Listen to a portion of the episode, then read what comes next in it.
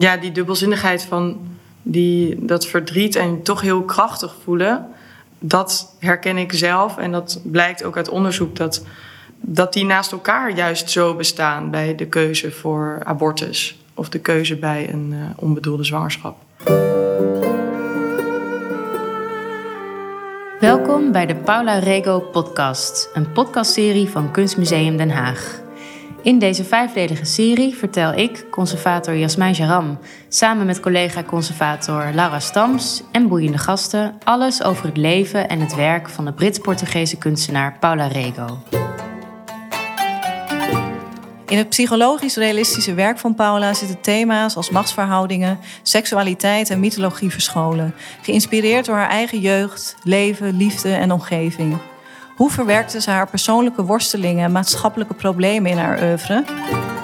Wat deed ze voor de positie van vrouwen in haar vaderland Portugal? En hoe groeide ze uit tot een van de grootste van de hedendaagse schilderkunst?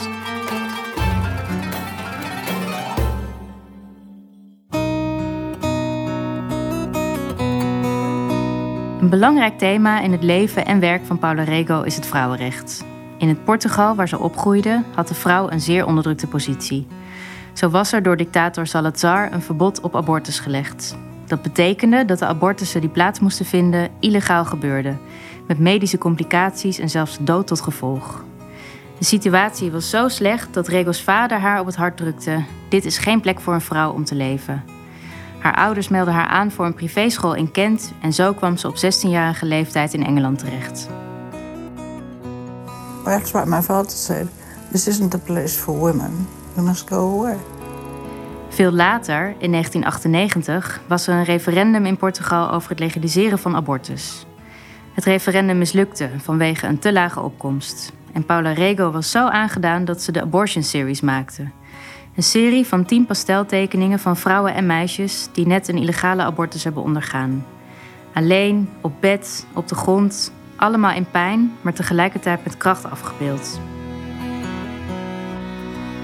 In 2007 werd het referendum herhaald en in de aanloop werd Regos Abortion Series ingezet om het belang van de situatie aan te tonen. Met succes, het referendum kwam erdoor en abortus werd gelegaliseerd. In 2017 vertelt Paula Rego voor het eerst over haar eigen abortussen die ze heeft ondergaan als jonge vrouw in de documentaire van haar zoon Nick. I had lots of abortions. Not just me, but every girl in, in uh, Slade had them. And uh, because in those days there wasn't any contraception or anything. And they didn't care, you know, the men didn't care. So we just got knocked up. Om te praten over deze reeks werken en de actuele situatie rondom abortus, ga ik aan tafel met abortusactivist Eva de Groei.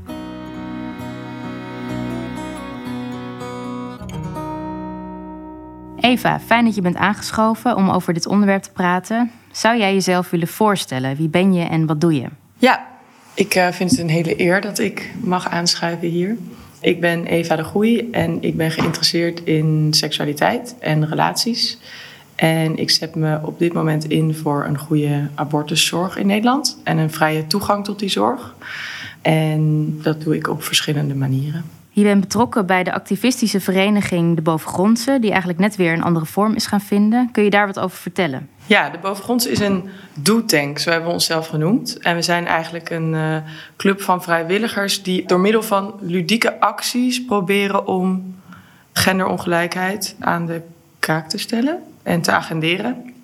Nou, je kunt ons kennen van uh, onze actie Meer Vrouwen op straat bijvoorbeeld, waarin we eigenlijk aandacht vroegen voor dat 88% van de straatnamen die vernoemd is naar een mens, vernoemd is naar een man. En we hebben daar de straatnaambordjes op een vroege ochtend een keer veranderd in allerlei steden in Nederland. Maar ook van Abortus Red Levens, dat is een van de campagnes waar ik betrokken bij ben geweest, waar ik ook aan moest denken bij het werk van Pola, het Abortus Buddy project.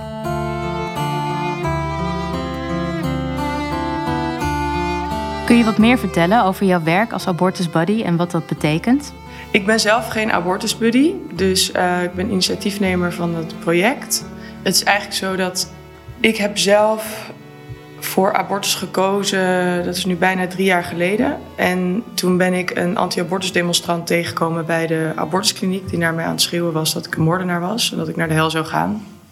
En ik dacht, oké, dit is niet iets wat in Nederland heel vaak gebeurt. Dit is iets wat ik ken uit de Verenigde Staten. Maar toen kwam ik er eigenlijk met wat onderzoek doen achter dat dit een uh, fenomeen is in Nederland. En dat dit bijna bij alle abortusklinieken meerdere keren per week gebeurt. En dat die abortusklinieken dus ook echt een toename hebben gezien daarin. Uh, eigenlijk na de Trump-administration, nadat uh, Trump was verkozen. En toen dacht ik, ja, hier moeten we eigenlijk iets tegen doen. Toen samen met het Humanistisch Verbond en de Bovengrondse zijn we toen uh, ja, vrijwilligers gaan trainen. Um, om mensen te kunnen begeleiden van en naar de abortuskliniek, die als gezelschap dienen. Um, en ook als een soort uh, menselijk schild eigenlijk tegen de anti-abortusdemonstranten.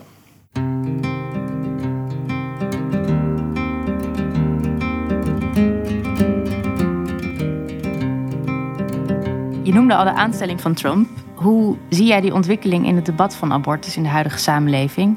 Ja, er is een opkomst van een soort nieuw soort rechtsconservatisme dat niet per se zich als religieus uit, maar wel die christelijke waarden heel hoog in het vaandel heeft en family values heel belangrijk vindt. Nou, en dat blijkt ook uit onderzoek, dat is een Europees fenomeen, dat eigenlijk de millennial generatie voor het eerst conservatiever denkt over abortus en euthanasie dan de generaties daarvoor. En ik denk dat dat wel zorgwekkend is, vooral omdat wij, wij mensen die voor keuzevrijheid zijn, wij zijn niet georganiseerd. Wij verenigen ons niet op die manier, omdat we achteroverleunen met het idee dat het hier wel goed geregeld is. Terwijl we eigenlijk zien dat mensen die tegen het recht op abortus zijn zich goed organiseren, veel geld hebben. Ik denk dat dat is heel belangrijk, dat we daar bewust van worden. En ja, daar ben ik ook eigenlijk mee bezig. I didn't uh, dare come home with a baby. My mother would kill me. Kende jij Paula Rego en haar werk al? Ik kende het niet. Uh, ik heb het wel uh, bekeken. Nou, ik mocht net even kijken. Um, en uh, opgezocht uh, ter voorbereiding, maar eigenlijk kende ik haar nog niet. Nee. Ze is opgegroeid in het dictatoriale regime van Salazar en daarin werden vrouwenrechten sterk onderdrukt. En hij noemde zijn dictatoriale staat uh, de Estado Novo, de nieuwe staat, waarin het gezin als hoeksteen van de samenleving werd gezien. En vrouwen werd, die dienden vooral als voortbrengers van kinderen en werden op die manier ook echt op een voetstuk geplaatst. Nou, dat heeft een hele sterke invloed gehad op Paula's leven en haar werk, die ook sterk met elkaar verbonden zijn. En die positie van vrouwen en de frictie van het onderwerpen als vrouw, maar ook het domineren en het terugpakken van de kracht, van die macht, dat is echt een groot onderwerp in haar werk. En dat zie je ook heel duidelijk in de werken die ze over abortus heeft gemaakt. In het jaar van het referendum van Portugal om abortus te legaliseren, maakte Paulo Rego die serie uh, werken over abortussen. Die bestaat uit pastels, prenten en schetsen. En ze maakte de tekeningen uit deze serie bewust ook op papier, zodat ze makkelijker konden reizen en door meer mensen gezien konden worden dan die pastels die bij ons in het museum hangen. En in die serie uit ze haar woede over de inmenging van de kerk in het leven en in het lichaam van de vrouw. En je ziet in die werken heel verschillende soorten vrouwen. Dus je ziet een schoolmeisje in een schooloutfit met gimpen. Je ziet een wat oudere vrouw. Uh, en je ziet ook juist geen bloederige situaties. Ze zijn niet heel expliciet. Maar je ziet wel hele banale voorwerpen als een, als een tang, zodat je de context uh, ja, eigenlijk kan, kan reconstrueren. En je ziet vrouwen die in pijn verkeren, maar toch ook hun lot met een soort kracht dragen. En ik ben wel benieuwd, je hebt de werken net even bekeken in het museum. Wat is jouw indruk daarvan? Ik vond het heel indrukwekkend om te zien. Um, en ook die dubbelzinnigheid is heel herkenbaar, denk ik, voor mijn eigen ervaring. Hoewel natuurlijk ik een legale abortus, voor een legale abortus heb kunnen kiezen. En ik snap dat dat een heel andere context is. Tegelijkertijd denk ik dat onderdrukking veel verschijningsvormen kent. En dat er ook in Nederland nu nog steeds wel een vorm van onderdrukking aanwezig is, die je ook ziet in uh, haar werk. Um, en ja, die dubbelzinnigheid van die, dat verdriet en toch heel krachtig voelen. Uh, dat herken ik zelf en dat blijkt ook uit onderzoek dat Ehm, ook een van de onderzoeken die ik heb gedaan vorig jaar. Uh, dat die naast elkaar juist zo bestaan bij de keuze voor uh, abortus of de keuze bij een onbedoelde zwangerschap. Wat je ook ziet bij het werk van Rego, en dat is inderdaad ook wat je ziet bij een initiatief als de Bovengrondse, is dat vrouwen zich eigenlijk uh, verenigen. Dus een soort uh, verbondsmeden om hun lot te delen en zich er samen voor inzetten. Ja, ik denk dat dat uh, bij de Bovengrondse, wat we hebben gedaan met Abortus Red Levens, daar moest ik heel erg aan denken ook. Um, op een gegeven moment hadden we zelfs bedacht van we moeten op een of andere manier in beeld, want anti-abortus heeft heel goed beeld. En dat, dat missen wij eigenlijk als de mensen die voor keuzevrijheid zijn. Uh, nu. Um, Rego had dus wel een goed beeld. Um, en we wilden eigenlijk, daarom vond ik het grappig dat je zei, uh, de familie als hoeksteen. We wilden abortus als hoeksteen van de samenleving. Op een of andere manier wilden we daar beeld voor maken. En dat hebben we met Abortus Red Levens geprobeerd te doen door heel veel verschillende soorten mensen af te beelden met onze Abortus Red Levensvlag. Um, om te laten zien van abortus is niet alleen maar van inderdaad een soort eenzame, vrezielige vrouwen die, of jonge tienermeisjes. Weet je, er bestaat gewoon een, zo'n stigma op uh, mensen die voor abortus kiezen. Um, en het was gewoon zo bijzonder om te zien. Ook zwangere mensen hebben we afgebeeld, hoogzwangere mensen. Uh, om te laten zien van dit is belangrijk voor een hele samenleving eigenlijk. Dit is niet het probleem van vrouwen. Mm-hmm. Ja. Oh my God, I'm knocked up again. What am I going to do? Oh, I'm going to talk to so and so, who will ask his friend if he can spare the time to come and see to you. Oh, good, thank you so much.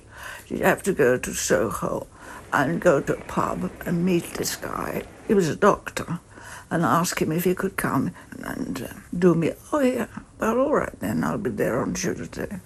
And these are backstreet abortions that he'd come to your house and do it? Yeah, that's how it was. I mean, everybody had one.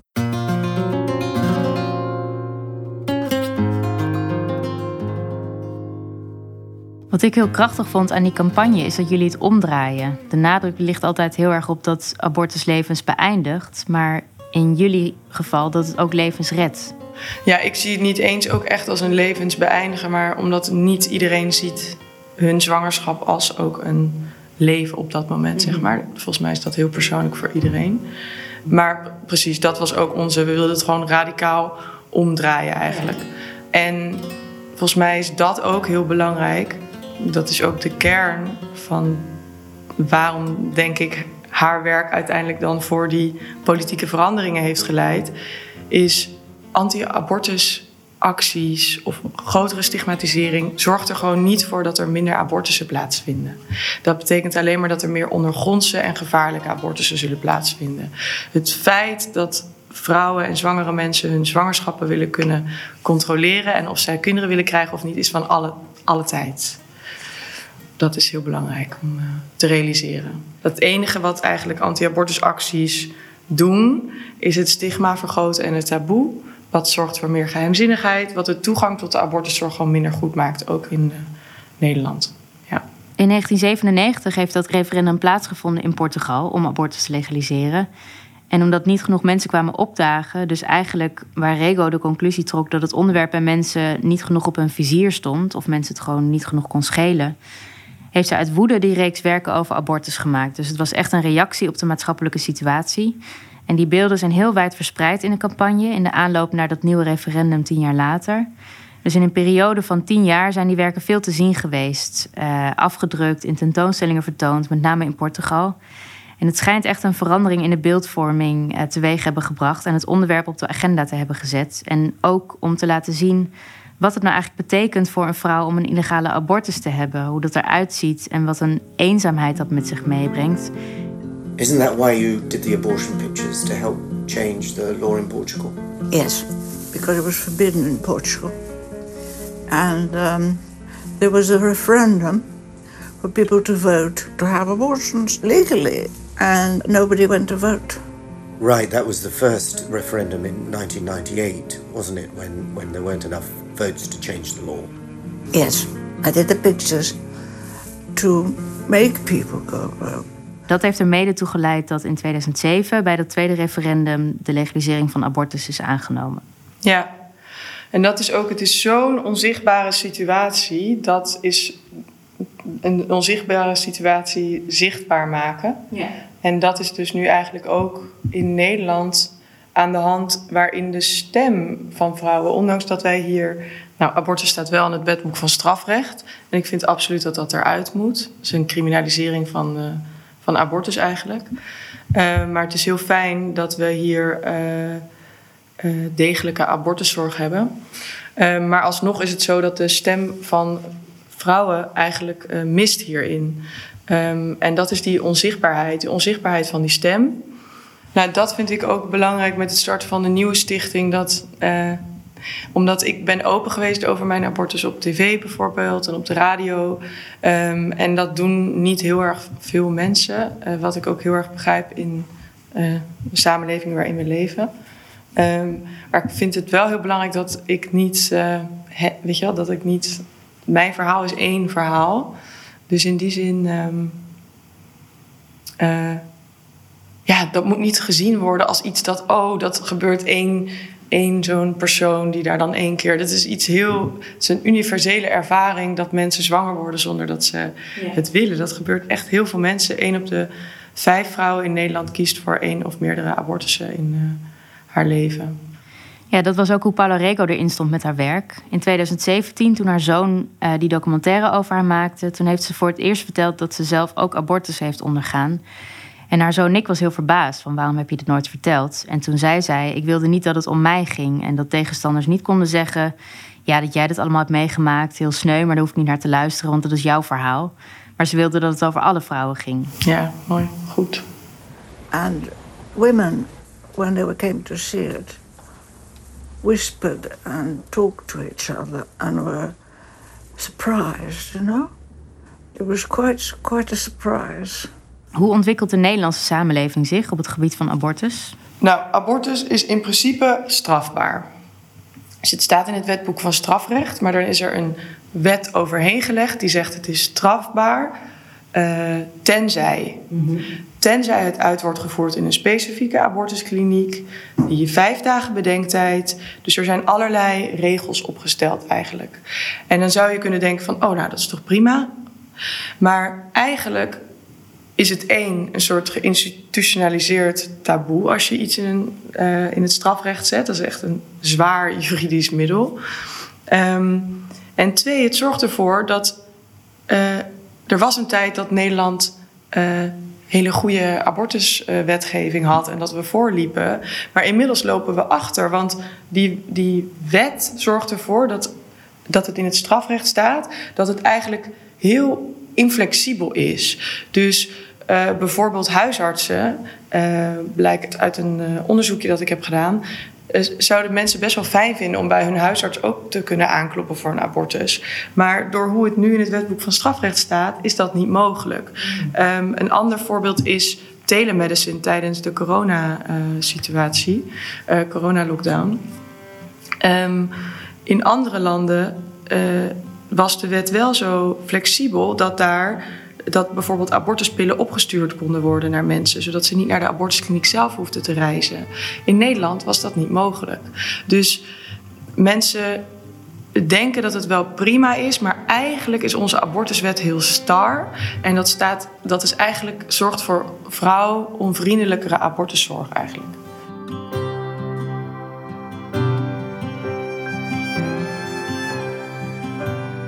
Het is gewoon niet zo zwart-wit eigenlijk. Uh, dus in Nederland is het heel fijn dat we tot 22 weken uh, de mogelijkheid hebben om voor een zwangerschapsafbreking te kiezen. Uh, en tegelijkertijd heeft Nederland nog steeds wel last van stigma. Hebben we wel die vijf dagen bedenktijd die heel veel mensen enorm in de weg zit. Um, ja, het is niet een zwart-wit plaatje.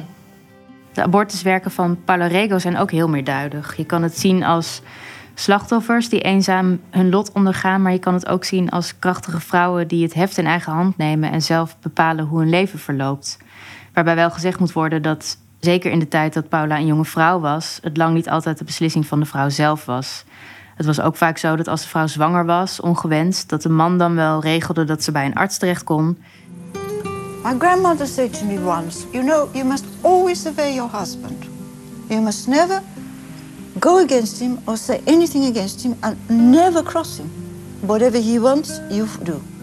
But I, I just didn't take any notice of it. But it must have sunk in because I was pretty obedient with my husband.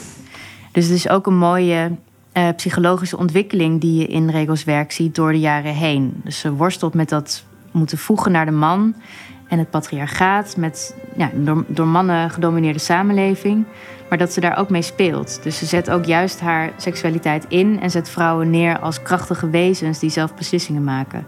Dus het is een soort open einde in haar werk dat zich altijd blijft doorontwikkelen.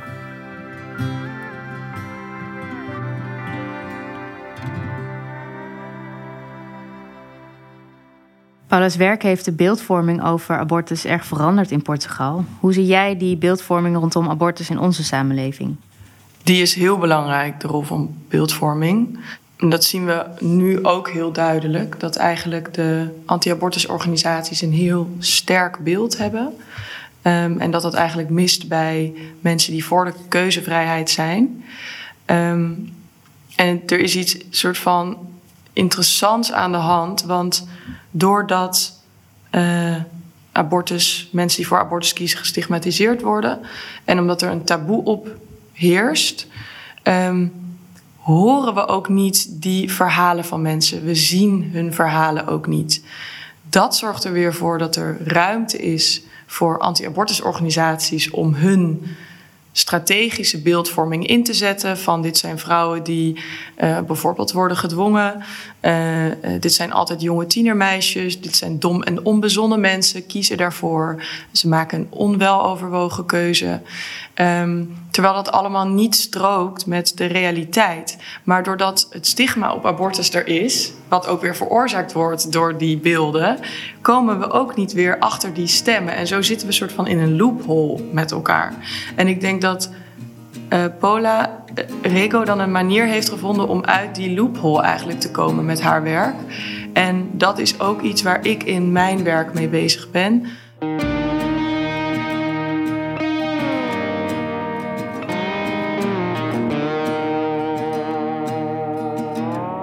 Zelf ben ik vanuit het Humanistisch Verbond ook bezig uh, met het starten van een stichting om eigenlijk de stem van vrouwen, trans en non-binaire personen, alle mensen die, uh, die zwanger kunnen worden, om hun stem te vertegenwoordigen rondom anticonceptie en abortus. En op die manier ook het beeld dat bestaat van mensen uh, die voor zo'n keuze staan, realistischer eigenlijk te maken. Uh, ik denk dat dat uh, heel belangrijk is. En dat daarmee het taboe op abortus ook vermindert en de stigmatisering minder is. En dat op die manier um, ja, meer mensen in vrijheid een keuze kunnen maken die bij hun leven past. Dat is uiteindelijk waar feminisme om draait voor mij, eigenlijk. Ja.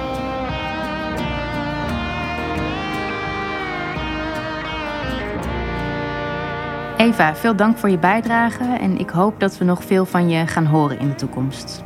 Dankjewel. Ik vond het een eer om uh, iets over mijn werk te kunnen zeggen. Dit was de vierde aflevering van de Paula Regel podcast. In de volgende aflevering gaat mijn collega Laura Stams in gesprek met Elena Crippa. Elena is conservator moderne kunst bij Tate in Londen en was verantwoordelijk voor de Paula Regel tentoonstelling in Tate Britain. En ze was ook betrokken bij het realiseren van de tentoonstelling in Kunstmuseum Den Haag. Centraal in het gesprek staat Rego's bijzondere drieluik The Pillowman, gebaseerd op het gelijknamige toneelstuk van Martin McDonough uit 2003. Wat sprak Rego aan in dit stuk? Hoe liet ze zich inspireren en wie is die Pillowman eigenlijk?